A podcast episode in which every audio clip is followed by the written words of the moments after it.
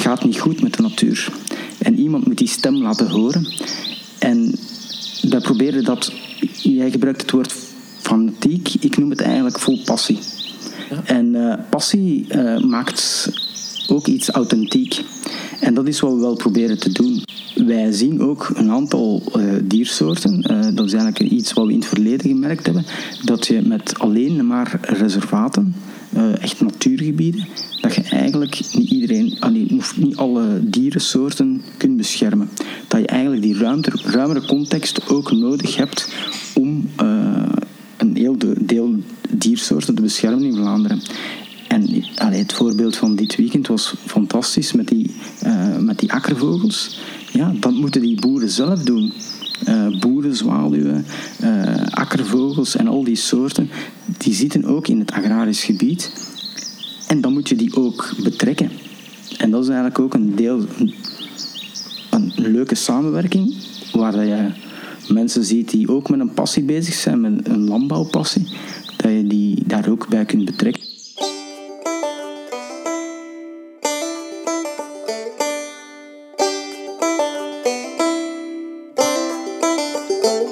Welkom luisteraars bij een nieuwe aflevering van Freed Freed. En u hoorde zojuist Pieter Abt van Natuur.beheer. Hij is daar uh, consulent en ik ontmoette hem op het bootcamp georganiseerd door Natuurpunt met als thema de boeren-natuur. Voilà. Zo'n uh, twintigtal jonge landbouwers en natuurbeschermers werden daar uitgenodigd om voor het eerst, jawel, in de geschiedenis van deze aarde, toenadering te zoeken op een constructieve manier want um, deze twee partijen worden soms vaak in één adem genoemd, maar dan meestal in een negatieve context. Het gaat niet goed met de natuur, hè? zo begon Pieter daar juist. En het was trouwens onlangs nog in het nieuws. Uh, eh, 1 miljoen soorten worden bedreigd, dus rekenen natuurbeschermers toch wel op de goodwill van wat landbouwers. En dat gaat mij ter harte natuurlijk. Uh, in een ver verleden studeerde ik tuinbouw en daarna biotechniek in het middelbaar. Maar uh, gaandeweg werd ik natuurliefhebber en dan automatisch ook natuurbeschermer. Ja. En ik las en merkte trouwens dat er een drastische afname is van akkervogels in heel Europa. En ik heb daar al een aflevering over gemaakt, over die akkervogels. Die moet je er maar eens terug bij nemen na deze aflevering. Maar ook de insecten doen het niet meer goed. Met andere woorden, er is een serieus verlies aan biodiversiteit en dat in een snel tempo. Maar tegelijkertijd gaat het over een heel bijzonder thema, namelijk ons voedsel. Wij hebben landbouwers nodig. Zowel de boerenstiel als de natuur liggen mij dus nauw aan het hart. De eerste landbouwer die ik interviewde was Sam, een jonge, slimme witloofboer, die uh, uh, onder andere voorzitter is van, jonge, uh, van Groene Kring, excuseer. Maar die wilde nadenken over oplossingen. Zijn boeren echt gifmengers? En zijn natuurbeschermers donkergroene jongens die alleen maar brandnetels eten en fanatiek doordrijven? Ik zou zeggen, geniet, lieve mensen. Geniet van een stukje slow radio. Uh, de polarisatie de laatste jaren merk ik heel hard dat bij, bij jongeren speelt. Dat het, het constant, wij ervaren dat dan zo constant in het nieuws komen, op, op radio komen van uh, het is de fout van de boeren dat, dat de bijen allemaal dood zijn, het is de fout van de boeren uh, dat er te veel uh, ammoniakuitstoot is en het is door die beesten en, en het is de fout van de rondtup en heel veel En, en het is constant een, precies een polarisatie bezig. Zo ervaren wij dat als jonge landbouwers. En dat komt ook echt sterk naar voren vanuit onze leden van alsjeblieft, Groene Kring, doe daar iets aan. Vertel het echte verhaal waar wij mee bezig zijn. Laat zien aan de mensen dat wij geen gifmengers zijn. En allee, dat wij ook vooruit willen. En, en, en, en dat merk ik zelfs dat, dat ja, jongeren soms wat gaan tegenhouden om zelfs in die sector te stromen. Want het is echt een samenhangsel van, van verschillende redenen en het zal voor iedereen wat afhankelijk zijn. Ligt veel van uh, de problemen niet in het feit dat er gewoon geen geld meer te verdienen valt in de landbouw? Of maar er is wel geld te verdienen in de landbouw. Dat is een van de fout dat wij maken ook, dat, dat, dat, dat wil zeggen dat er geen geld meer te verdienen is. Je moet willen zien, er zijn... Met sommige sectoren is het gigantisch moeilijk om, om, om, om, om geld te verdienen. En is vroeger eenvoudig geweest, maar dat is precies iets nieuws. Uh, dus nu, ja, de, de boeren verdienen geen geld meer. Maar 40 jaar geleden was dat ook zo. Was dat ook dat bepaalde takken volledig wegvielen. Of dat veranderde. De maatschappij is altijd in evolutie geweest. De boeren zijn altijd veranderd. Alles is altijd veranderd. Maar welke ja, takken vallen er weg? Nee, nu, nu bijvoorbeeld staat sta, sta vlees, veel, meer, vlees veel meer onder druk, maar die vallen belangrijk nog niet weg, want we zijn daar op zich goed en efficiënt in. Maar die, die sector komt veel meer onder druk te staan, dat voelt je. Omdat ook dat daar een bepaalde polarisatie rond is. En nu zitten wij hier samen uh, op een weekend met Natuurpunt en dan komen de natuurbeschermers aan uw frak trekken. Dus moet, wordt er eigenlijk ook gevraagd van wil jij ook alsjeblieft even uh, natuurbeschermer zijn? Hoe, hoe, kijk je daarnaar en hoe ga je daarmee om? Maar ik, ik besef nu ook wel van dit weekend, we spreken echt over een heel ander soort natuur waar dat ik mee bezig ben en waar, waar dat sommige natuurbeheerders of conservators, zoals jullie ze noemen, in hun eigen natuurgebied mee bezig zijn aan een bepaald type heide of ik weet niet wat. Ik heb hier ontzettend veel namen van planten en vogels gehoord. Ja. nooit gehoord. Allee, dat, is, dat is super te zien dat die mensen met die passie daaraan werken. En, en, en daarmee zie ik ook wel in van, kijk, in die natuurgebieden moeten zij die dingen kunnen nastreven. Maar ik, ik hoop hier vooral eigenlijk van het weekend symbiose te zien waar wij door kleine ingrepen, grotere ingrepen, uh, dingen kunnen gaan doen voor de natuur waar dat iedereen beter van wordt en waar ook wel als landbouwer uh, beter kunnen van worden en eventueel zelfs verdienmodellen kunnen, kunnen gevonden worden. Ja. Om, om zo, ik geloof in, in de kleine stappen vooruit. We, we hebben enerzijds die grote stappen in, in heel kleine gebieden van echte natuur maken, maar ik, ik wil door kleine stappen op, op onze algemene landbouw te doen, stappen vooruit zetten naar, naar een duurzamere en, en, en meer groenere landbouw. Ja. Maar ik ga het op flessen trekken. Hè. Um, we hebben wel veel gedaan van het weekend. Ja, ja, ja, ja. Uh, ongenuanceerd uit de hoek komen om dan toch iets genuanceerder naar elkaar toe te gaan. Maar laat ons zeggen dat... Um, ik ga het heel straf uitdrukken. Hè. Monenakker is een bak chemie geworden. En um, ja, wat rest er nog over van die zogenaamde wilde natuur, die daar eigenlijk ook van zou kunnen genieten en profiteren. En ziet je daarin tijd, ruimte, middelen vrij te maken om daar ook voor te zorgen? Wel, maar dat vind ik een mooi voorbeeld, want dat me enorm tegen de borst. Ah, zeker voor dit weekend stond me enorm tegen de borst gezegd. Een akker is een, bak chemie geworden. Omdat ik de verhalen hoor van hoe dat 20, 30 jaar geleden gebeurde. Dat ik het gezien heb als ik kind was. En ik zie hoe dat we er nu mee bezig zijn van eigenlijk zo weinig mogelijk te spuiten en de juiste dingen op de juiste moment te doen. Zo weinig mogelijk gaan kijken van... Uh, ziet dat insect er wel echt? Gaan we daar echt wel tegen spuiten? Zijn er, hey, misschien zijn er natuurlijke vijanden uh, genoeg aanwezig en kunnen we het zo onderdrukken. Uh, ik ga dat middel kiezen dat, dat duurder is, maar dat dan toch die natuurlijke vijanden spaart en enkel dat insect uh, bespuit. En zo zijn we ontzettend veel bezig, ook met die bodem, om die in betere kwaliteit te krijgen. Dus ik dacht echt, kijk, ik ben enorm goed bezig. Maar op zich is dat wel een, is mijn veld wel één uniform veld met witloof of patatten of, of tarwe. En besef ik nu ook wel van, van, van na dit weekend dat jullie meer zoeken, dat, dat daar eigenlijk wel onkruid zou moeten instaan. Of dat daar uh, een haagse moet instaan dat die vogel of die dingen kan inzitten. En, en dat is wat de uitdaging naar de toekomst toe, hoe, hoe dat we die daar ergens win-wins gaan in vinden. Ja, want daar gaat het ook vaak over. Hè. Hoe dat we daar de winst in gaan vinden, is vaak voor landbouwers... Ik moet toch wel zorgen dat ik mijn loon bij elkaar krijg. En de functie van onkruid tussen mijn uh, gewassen, dat is niet echt winstgevend. Dat is niet onmiddellijk rendabel. Nee, en dat is ook... Maar ik, ik, ik probeer het onkruid gewoon weg te houden, want op het moment dat het zaait, moet ik later meer chemie gaan gebruiken. Of meer arbeid, of meer uh, want wij schoffelen in witlof. Wij moeten er zelfs dikwijls nog eens uh, met de hand doorgaan. Dus dat is de reden dat ik het veel proper probeer te houden. Enerzijds voor mijn gemak en anderzijds gewoon voor minder inputs nodig te hebben. Dat is heel belangrijk. Dus, dus ik wil ergens wel mijn veld vrijwaren, maar ik wil wel in de randen of in struiken of in, in, in, dingen ah, nu denk ik heel concreet, Ja. voorbeelden, oplossingen gaan zoeken. Maar ik moet dat veld wel vrijhouden, want we voelen ook de druk op die middelen, dat het altijd maar minder zijn, dat het altijd maar moeilijker wordt. Ja. Dus ik wil echt vrijwaren dat ik nu onkruid begin te zaaien waar ik binnen tien jaar geen middelen voor heb, wat ik allemaal met de hand ga moeten uittrekken, waar ik de arbeid niet voor heb, waar dat de mensen niet beschikbaar zijn om dat te komen doen bij mij. Je merkt, een landbouwer als Sam wil voortdurend rekening houden in zijn bedrijf met tijd en energie. Want dat kost geld. Onkruid kan dus in wezen niet voor bijvoorbeeld Sam. Maar wat onkruid is voor sommige landbouwers, is een nuttig kruid voor bijvoorbeeld bioboer Thijs Boeles, die het evenwicht wil vinden tussen economische realiteit en biodiversiteit.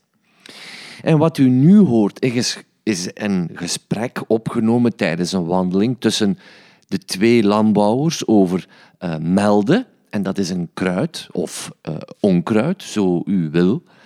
En hoe foutief inzaaien van een groenbemester toch plots een opportuniteit wordt voor de natuur en voor Thijs. En als je luistert naar die twee, ga je eigenlijk ja, vanuit hun standpunt ze beide wel begrijpen. Aan u om te oordelen. Ik denk, ik denk dat het eigenlijk interessant is dat boeren naar hun veld ook zouden kijken met een aantal natuurdoelstellingen. Voor mij persoonlijk, en ik, dat is echt zo kijk ik naar mijn percelen, geelgors is voor mij een, een doelsoort. Mijn vorig perceel, waar dat ik ooit begonnen ben, was 20 aren en die geelgorsen zaten op 8 meter van mij te fourageren, want ik stond daar toch nog een dag te schalmen, te schoffelen. Hè. Dus die, die waren gewend aan mij en die zaten zo dichtbij en ik, ik zie die vogel graag. En nu zit ik in een gebied waar dat er geen geelgorsen zijn, behalve als wintergast. Dus voor mij is het echt, dat triggert mij om te zeggen, ik ga gewoon met u mee nadenken. En dat betekent soms ook dat in je verhaal van boeren, als je een keer een fout maakt, dat je een kans genereert voor de natuur en dat je daar ook ergens bij neerlegt bij die fout. Om een voorbeeld te geven, mijn groenbemester was veel te dun gezaaid, omdat ik het zaaimachine fout had ingesteld. Dus daar komt melden tussen en dan kun je de reflex hebben, ik zaai... Ik, allez, ik, ik voorkom dat die melden zichzelf uitzaait. Nu, ik had op die moment geen tijd. En het was ook al te nat geworden om eigenlijk nog een keer opnieuw erdoor te gaan. Plus, mijn groenbemester ging dan toch niet meer aanstaan. Ik heb gezegd, ik laat hem staan. En dit gaat tof zijn voor de vinken. En nu zitten daar 20 kneuzen en, en 100 vinken op te fourageren. Nog geen geelgors. Maar snap je? En het is eigenlijk... Je moet niet denken van wat is de goede schaal of, of wat moeten we wettelijk doen. Je moet eigenlijk gewoon als boer terug trouwen met die natuur. En zeggen, ik wil die. Ik wil die en ik ga dan een doelsoort nemen als een soort van vlaggenschip. Maar je trekt gewoon veel meer naar binnen. Want in tussentijd zit ik wel met twee nesten eh, gele, gele kwiks op mijn, allee, gele kwikstaarten op mijn veld, waar dat ik die geelgors nog niet heb. En ondertussen heb ik ook al een keer een zangpost van kwartel gehad op mijn veld. En dan springt een gat in de lucht, want dat, dat is... allee, dat is ver boven wat ik had gehoopt, snapte. Maar zo, dat, mag, dat mag ook echt, dat boeren dat doen. En dan blijft het wel belangrijk dat je die boeren... Maar die gaan dat vanzelf wel gewoon doen, want je zei boer, dat je bedrijfseconomisch verhaal ook nog blijft rondgaan. Mag ik dan advocaat van de duivel spelen? Wat doe je dan met al die zaadvorming van die melden? Want die is toch onwenselijk in het kader van je bedrijfsvoering. Ja. Wel, als ik even mag oppikken... Als u, Mag oppikken zeggen ze in het Pajottenland. Over, over, over die foutjes.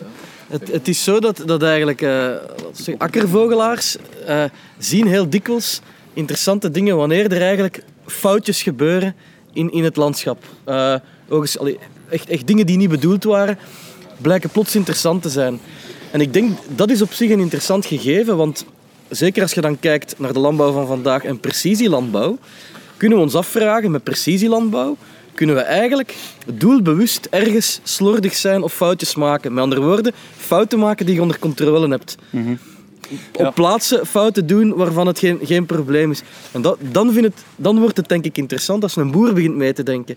Ja. Eh, van van dan- ik, ik kan daar iets mee. Voilà, en dan is het, het interessante, dus nu is dat fout gelopen met die melden. Ik kon dat niet meer voorkomen, die melden, en die uitzaaiing van die melden. Maar je beseft wel dat, dat onkruidzaad is belangrijk. Dus dan wordt voor mij de vraag, als ik mijn groenbemester samenstel, ik ga naar veel meer dan twee soorten dat wettelijk interessant zou zijn, of subsidie, van subsidieoogpunt interessant zou zijn. Ik, steek daar, ik ben op zoek naar de soort onkruid dat ik in zaad kan laten gaan, waar dat ik tegelijk van weet, ik schoffel dat makkelijk weg, dat is geen dominant gewas, dat gaat mij geen parten spelen. En daar zouden zelfs op termijn kunnen nadenken, op akkerbouwmatig niveau, tuinbouwmatig is dat bijna niet haalbaar. Die, die dingen doe ik ook. Die dingen Ja. doe ik ook, maar ik ga geen melden laten eh, Ah, nee, nee, nee. schieten. Want dat betekent gewoon dat ik er achteraf meer spruitstof van moet doen. Ja, ja. Of dat ik het manueel moet gaan verwijderen. Of dat je moet schoffelen. Maar dat ga je leren met dat je bij ons al. granennetwerk Ik schoffel- zit. Ik ben, sorry, ik ben een gangbare boer dat het meeste schoffelt, denk ik, aan Witluf. Dat schoffelen standaard één of twee keer. Hè. Maar ik, weet hoe moeilijk dat is. Dus die melden ga ik echt niet zo zat laten komen. Maar ik ben wel op zoek achter goede mengsels, dat goed ter wortel dat we naar buiten houden. Ja. En eventueel eh, nog voedselrijk kunnen zijn voor insecten, voor, eh voor bijen. Maar, maar dus en die reflex, die reflex van die insecten en die bijen, dat, dat komt er nu bij, omdat jij eigenlijk is de natuurmens in je boer aan het wakker worden. En dat is Die super interessant. Ah, wel, maar dus ook, van de ook- natuur, man. Ook de, ook de soortjes, dus de, de, de soorten kennen en, de, en voor soorten gaan, dat, is, dat gaat iets heel Dat, nieuws dat, zijn dat voor is je dat dat dat is begint. van het weekend getriggerd, jongens. Voilà. En dus, en dus dat is wat ik bedoel. Eh, we gaan het weer polarisering, dus de landbouwers en natuurbeschermers. Terwijl ik voel dat alle twee raakpunten hebben en meer dan jullie zelf dachten. Maar dat er ook geen communicatie is tussen die twee. Zijn er forums in België waar dat die groepen ehm, formeel aan tafel gaan zitten en, en communiceren, babbelen met elkaar? Ja, maar dat is dan meestal in een negatieve context. Ja, dus, voilà, voilà, voilà. eh, daar staan ze dan eh, tegenover in in een IAD-pasverhaal of in een andere... eh, dat is het over beheer van, een- van, een- van een... of bij een ruilverkaveling of eh, beheer van een land gaat. Dit is een unicum, denk ik. Daarom dat ik hier ook heel graag wil aanwezig zijn. Ja. En omdat ik besefte door, door de mensen die ik de laatste jaren ontmoet heb, dat het niet, niet allemaal groene naïvelingen zijn, zoals wij soms als landbouwers denken. En omgekeerd, dat wij niet allemaal eh, chemie, eh, vergifspuitende moordenaars zijn, eh, dan misschien dan de groene mensen denken over ons. Dus ja, ik ben 100% van overtuigd, het is hier al veel gezegd, praten helpt en, en samen kunnen we, kunnen we dingen doen. Niet zo ver als jullie zouden willen en, en, en niet zo rendabel misschien als wij zouden willen, maar er zijn sowieso raakvlakken. En, het is vanuit die kleine stappen in de goede richting dat, dat, we, dat we moeten proberen te zoeken en dat we moeten on- ons schouders onderzetten. Ja. Dat was Sam Magnus van Groene Kring voor jonge land- en tuinbouwers. En daarjuist hoorde je een mooi voorbeeld in het veld van bioboer Thijs en eh, hoe hij die biodiversiteit in zijn veld per ongeluk bewerkstelligde. Maar er zijn ook kleine, minder drastische maatregelen die kunnen toegepast worden. En Remar Erens, werkzaam bij het INBO, die was onze gids tijdens de wandeling en duidde ons samen met eh Freek Verdonkt, en je hoort op een gegeven moment ook Wim Foblets van Vilt, Vlaams Infocentrum Land en Tuinbouw. Ehm, ja, maar zij, Freek en Remar, duiden ons op een misschien minder duurzame, maar handige en goede maatregel voor de akkervogel, waar je eigenlijk niet meer bij stilstaat. Dikwijls gaat het over zo'n kleine details in het landschap die momenteel een verschil maken. Of het net wel of net niet doenbaar is. In dit geval voor de vogels. Voor de bedrijfsvoering van de vogels, als ik het zo maar even doorvertalen naar een landbouwcontext. Dit paaltje is bijvoorbeeld, straks passeerde er een blauwe kiekendief, die dus op muizen jaagt. Er zijn andere roofvogels ook die dat doen. Zo'n paaltje kan ehm, een enorme meerwaarde zijn voor zo'n soort. Omdat dat... wel erachter passeert er inderdaad een.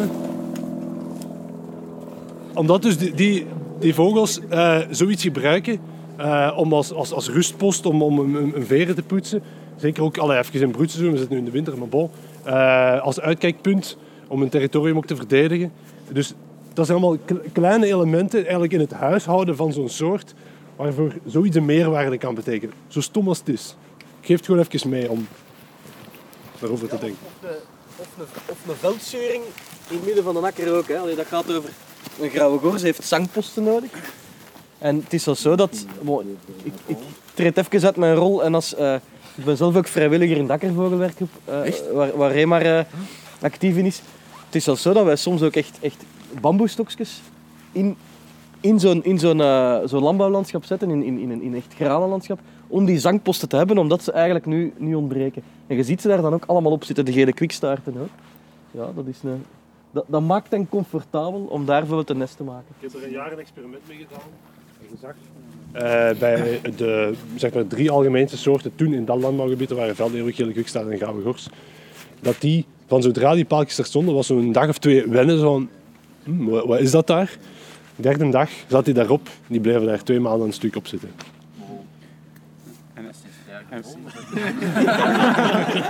Zeg Freek, Freek, Niet veel te doen.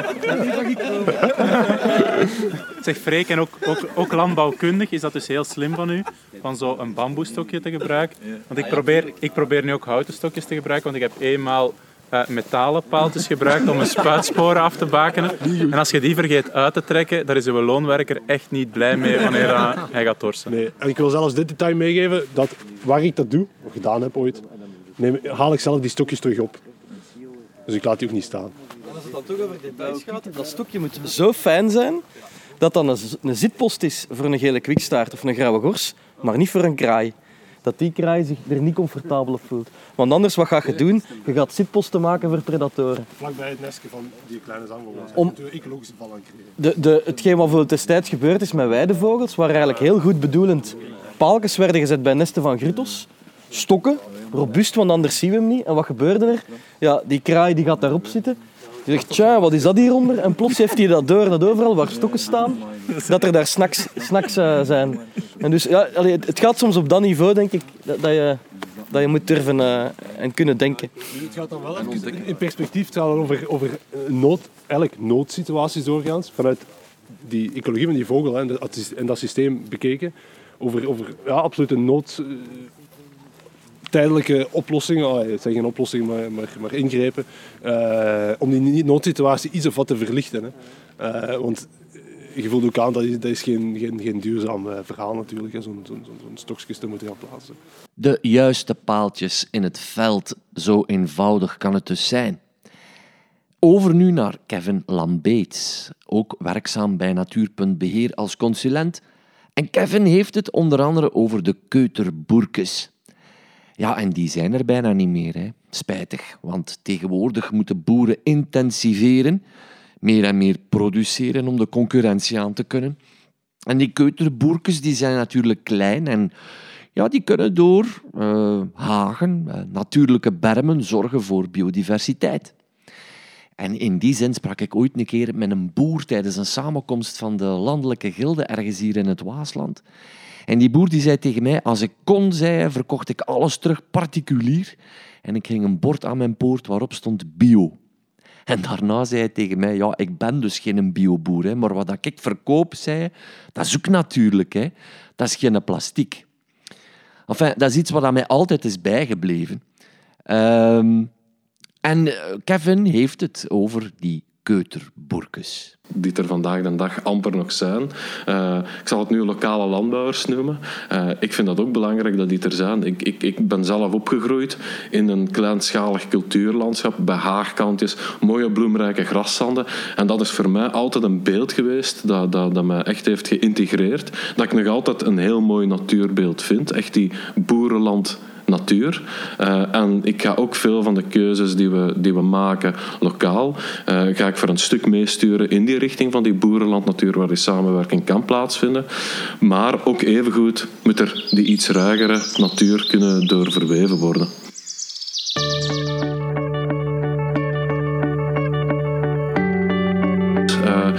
Dingen op, op, op louter op de 14 jaar dat ik actief ben, eh, dat ik actief naar vogels kijk, heb ik soorten volledig zich bijna letterlijk zien te pletter storten. Voornamelijk vogels van het boerenland dan, sorry dat ik het moet zeggen.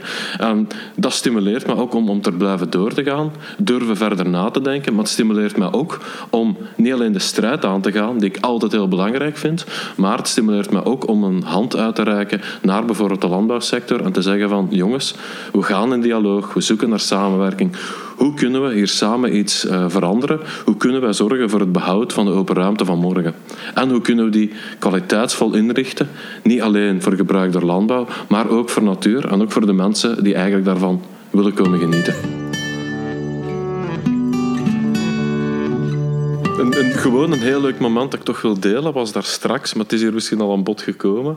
Uh, een smelke, dat is een kleine roofvogel die vlak over onze kop doorvlieg, vloog, uh, aan het jagend achter een veldleeuwerik. En niet alleen de, uh, de terreinbeheerders, de natuurbeschermers hadden zoiets van wauw, wat een moment.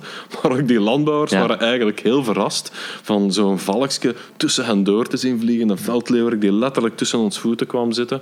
En dan merk je toch van die verwondering dat mensen kunnen hebben voor natuur die zit er sowieso ingebakken. Of je nu jarenlang indoctrinatie hebt gehad vanuit de landbouwmidden. Dat is misschien slecht uitgedrukt, die indoctrinatie, maar wij zijn even goed geïndoctrineerd vanuit de, Ja. vanuit de natuurmiddens. maar die verwondering, iedereen als een, als een jong is, is verwonderd over wat er rond hem groeit en bloeit. Ik denk dat ook de landbouwzoon op jonge leeftijd het heel tof vond om een, om een spin te zien of, of eh, om de vlinder te zien die zelfs vlindertjes heeft gevangen, een potje heeft, heeft gezet en daar, daarna heeft, heeft staan kijken en zo. En dan zie je op zo'n moment, op zo'n moment dat je eigenlijk verrast wordt, dat die verwondering er nog altijd is. En misschien moeten we wel soms iets meer putten. Niet alleen uit die verontwaardiging dat we kunnen hebben, maar evengoed vanuit die verwondering. Je hoort, de partijen zijn ermee bezig. Mondjesmaat, niet snel genoeg soms naar mijn zin. Maar ondanks dat Sam daar juist zei dat er wel geld valt te verdienen met landbouw, mogen we ook niet vergeten dat leningen torenhoog zijn voor sommige landbouwers. In Frankrijk pieken de zelfmoordpercentages bij landbouwers daarom dan ook niet voor niks. Het is een complexe situatie, begin ik zo wat door te krijgen, die dringend een antwoord nodig heeft. En dan zeker met een verlies aan natuur, biodiversiteit en dan vergeten we nog de klimaatverandering. De politiek zal hier wellicht een hele belangrijke rol in gaan en moeten spelen. Als u trouwens meer wilt weten over eh, de oorzaken van de drastische afname van akkervogels, dan raad ik u het juni-nummer aan van EOS, waarin ik getracht heb de situatie op een rijtje te zetten en te schetsen. Maar dan nu, er zijn nog altijd traditionele boeren die proberen best of both worlds op een veld te krijgen. En boer Olivier is zo iemand. Ik had ec- economie gestudeerd. Ik had eigenlijk geen landbouwopleiding, enkel maar in avondschool. En in het bedrijf gestapt en dan, dan voelde ik ergens dat er, dat er iets niet klopte. Allee, dat is nu cru gezegd, maar ik voelde dat er, dat er andere mogelijkheden ook waren. En eh, dan zijn we eigenlijk begonnen met het kweken van een ander ras. Dat is het Salers rund. Ehm, en dan in contact gekomen met Natuurpunt. En laten we eigenlijk al die runderen grazen op de weiden van Natuurpunt. En probeer ik dat vlees ook rechtstreeks aan de consument eh, te verkopen. Omdat ehm, moest ik dat rund gewoon in de handel, in, in de handel verkopen, dan zou, dan zou dat helemaal niet interessant zijn voor mij. Maar met zo'n verhaal kan ik ook tot bij de consument komen, die daar ook in geïnteresseerd is om te weten wat dat hij eet. Ehm, en dat, eh, dat doen we nu met een, een dertigtal runderen. Ehm, en dan ben ik nu een jaar en een half geleden begonnen met het eh, beginnen met een eh, mobiele kippenstal. Ehm, wat houdt dat uiteindelijk in? Dat is een, een, een stal die ik wekelijks verzet. Ja. Dus als het gras op is, ga ik mijn stal verzetten. Zodanig dat die kippen eigenlijk iedere week, eh, eigenlijk iedere dag vers gras hebben. En hoeveel kippen zitten er in die stal? In één zo'n stal zitten er 250 kippen. Maar dan, eh, dan voor 250 kippen, wat op zich in een sector, in de landbouwsector peanuts is. Maar ehm, met dat verhaal speel ik nu ook heel hard in op de sociale media. En kan ik eigenlijk met die sociale media ervoor zorgen dat de mensen zien waarmee dat ik bezig ben en wat dat ik doe. Terwijl vroeger, 20 jaar geleden, eh, mijn vader ging dat nooit, nooit kunnen tonen wat dat hij doet. Ehm, Waarom heb ik dat gedaan? Omdat ik voelde dat, het, dat het, de landbouw die er op vandaag gaande is, niet klopt. Ja. Dat, dat er daar iets fout loopt. Ehm, en dat probeer ik aan te passen naar, naar, naar de vraag van de consument. Want die wil meer en meer weten wat dat hij eet. Ehm, en daarvoor doe ik het uiteindelijk. Maar lukt dat voor u? Eh, dat lukt, maar dat vraagt heel veel tijd. Dus uiteindelijk ben je boer en, en zit je op het land, verzorgd je runderen.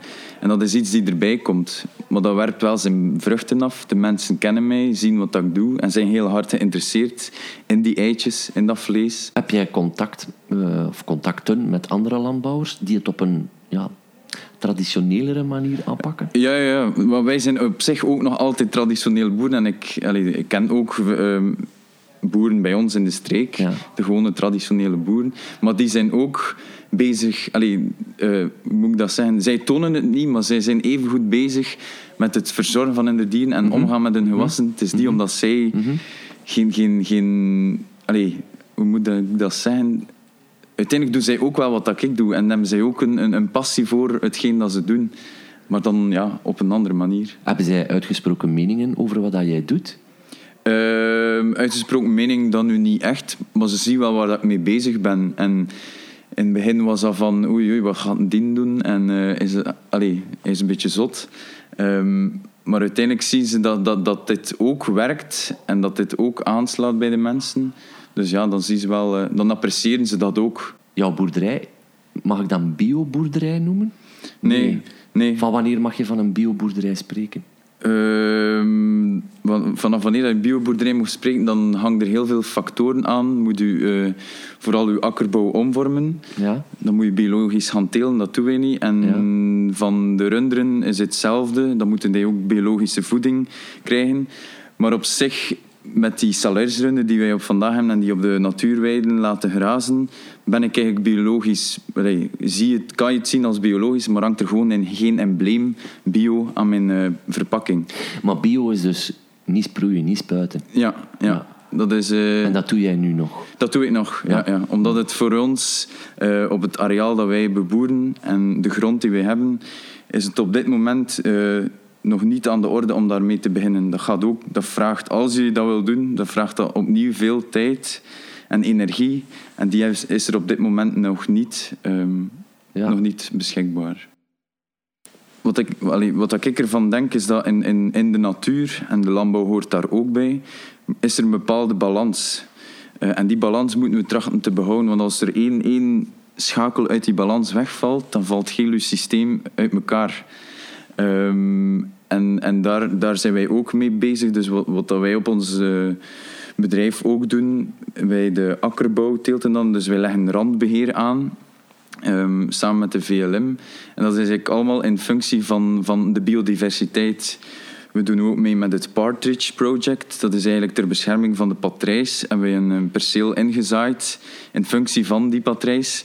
En uiteindelijk helpen we mee om die biodiversiteit terug in balans te krijgen. Want eh, ik denk dat, allee, dat, dat de landbouw vandaag dat die een beetje niet meer in balans ligt. En dan denk dat we die terug moeten opzoeken. Op bepaalde manieren die ons ook worden aange- aangegeven. eh, en daar eh, gebruik van maken.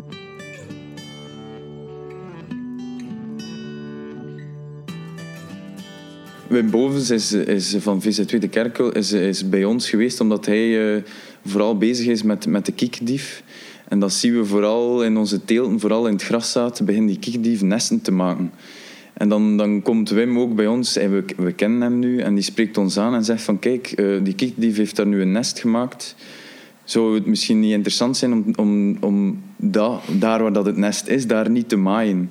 Dus we hebben nu contact met een, met een natuurbeschermer en nu beginnen we ook zelf te verstaan van oké, we moeten s'nachts niet maaien, want als we s'nachts maaien, gaan we dat nest kapot maaien en gaan we ook de, de, de, de jongen, de jongen allee, eh, kapot maaien. Ehm, maar nu hebben we dat contact en dan zien we ook van, eh, dat Wim ons ook, ook vertelt over de andere, andere vogels die bij ons op de boerderij leven. En dan vertel ik ook aan Wim, ja, we zien hier ook eh, uilen, s'avonds als het schemert. En dan heeft Wim eh, langsgekomen om, om een nest eh, te plaatsen in onze, in onze lood, waar dat die uil eigenlijk eh, een nest kan maken. Dus door zo mensen op, ons, op de boerderij te betrekken, beginnen we ook die band te krijgen met van oké, er, er gebeurt hier veel op onze boerderij. We hebben hier ook een biodiversiteit op onze boerderij. We hebben zwaluwen, we hebben mussen, die, die, die leven van onze boerderij op zich. En, en dat, dat is ook het verhaal van de biodiversiteit in het geheel, maar ook ter plaatse op iedere boerderij is dat er ook. En dat moeten we ook in stand houden. Dit was Feed Feed. Een aflevering deze keer die niet echt besluiten trekt, maar hopelijk wat meer zicht biedt op de uitdagingen van landbouwers en natuurbeschermers. En de vooroordelen en polarisaties hopelijk wat uit de weg heeft geruimd. Wilt u meer weten over deze podcast, die eigenlijk in principe eh, ja, enkel en alleen maar over vogels gaat, maar ik heb het wat breder getrokken nu? Wel, check dan eh, de website www.birdnerd.be of de Facebookpagina van Feed Feed. En om te besluiten, om te besluiten hoor je eh, een epiloogje waarin Sam Magnus nog een keer eh, langskomt met een bedenking van je welste. Want uiteindelijk moeten wij consumenten ook wel weten waar we voor kiezen. Voor de natuur of blijven wij consumeren tot we erbij neervallen? En dat landbouwers daarom een diversiteit aan producten moeten aanbieden waar je duizelig van wordt. U hoort het, een lange weg, of zoals ik zeg, er zal nog veel water over de nakker moeten lopen. Ik zou zeggen, tot een volgende. En die supermarkt ligt vol met alles wat je kunt inbeelden en kunt van dromen. Alles ligt daar. En dat wordt zo normaal beschouwd. Mensen beseffen niet wa- wat er voor nodig is om al dat voedsel op die ene plek samen te brengen. En die beschouwen dat zo normaal. Terwijl dat niet, nog niet zo lang geleden in de geschiedenis absoluut niet normaal was dat die winkel zo vol lag. Hè? Ja.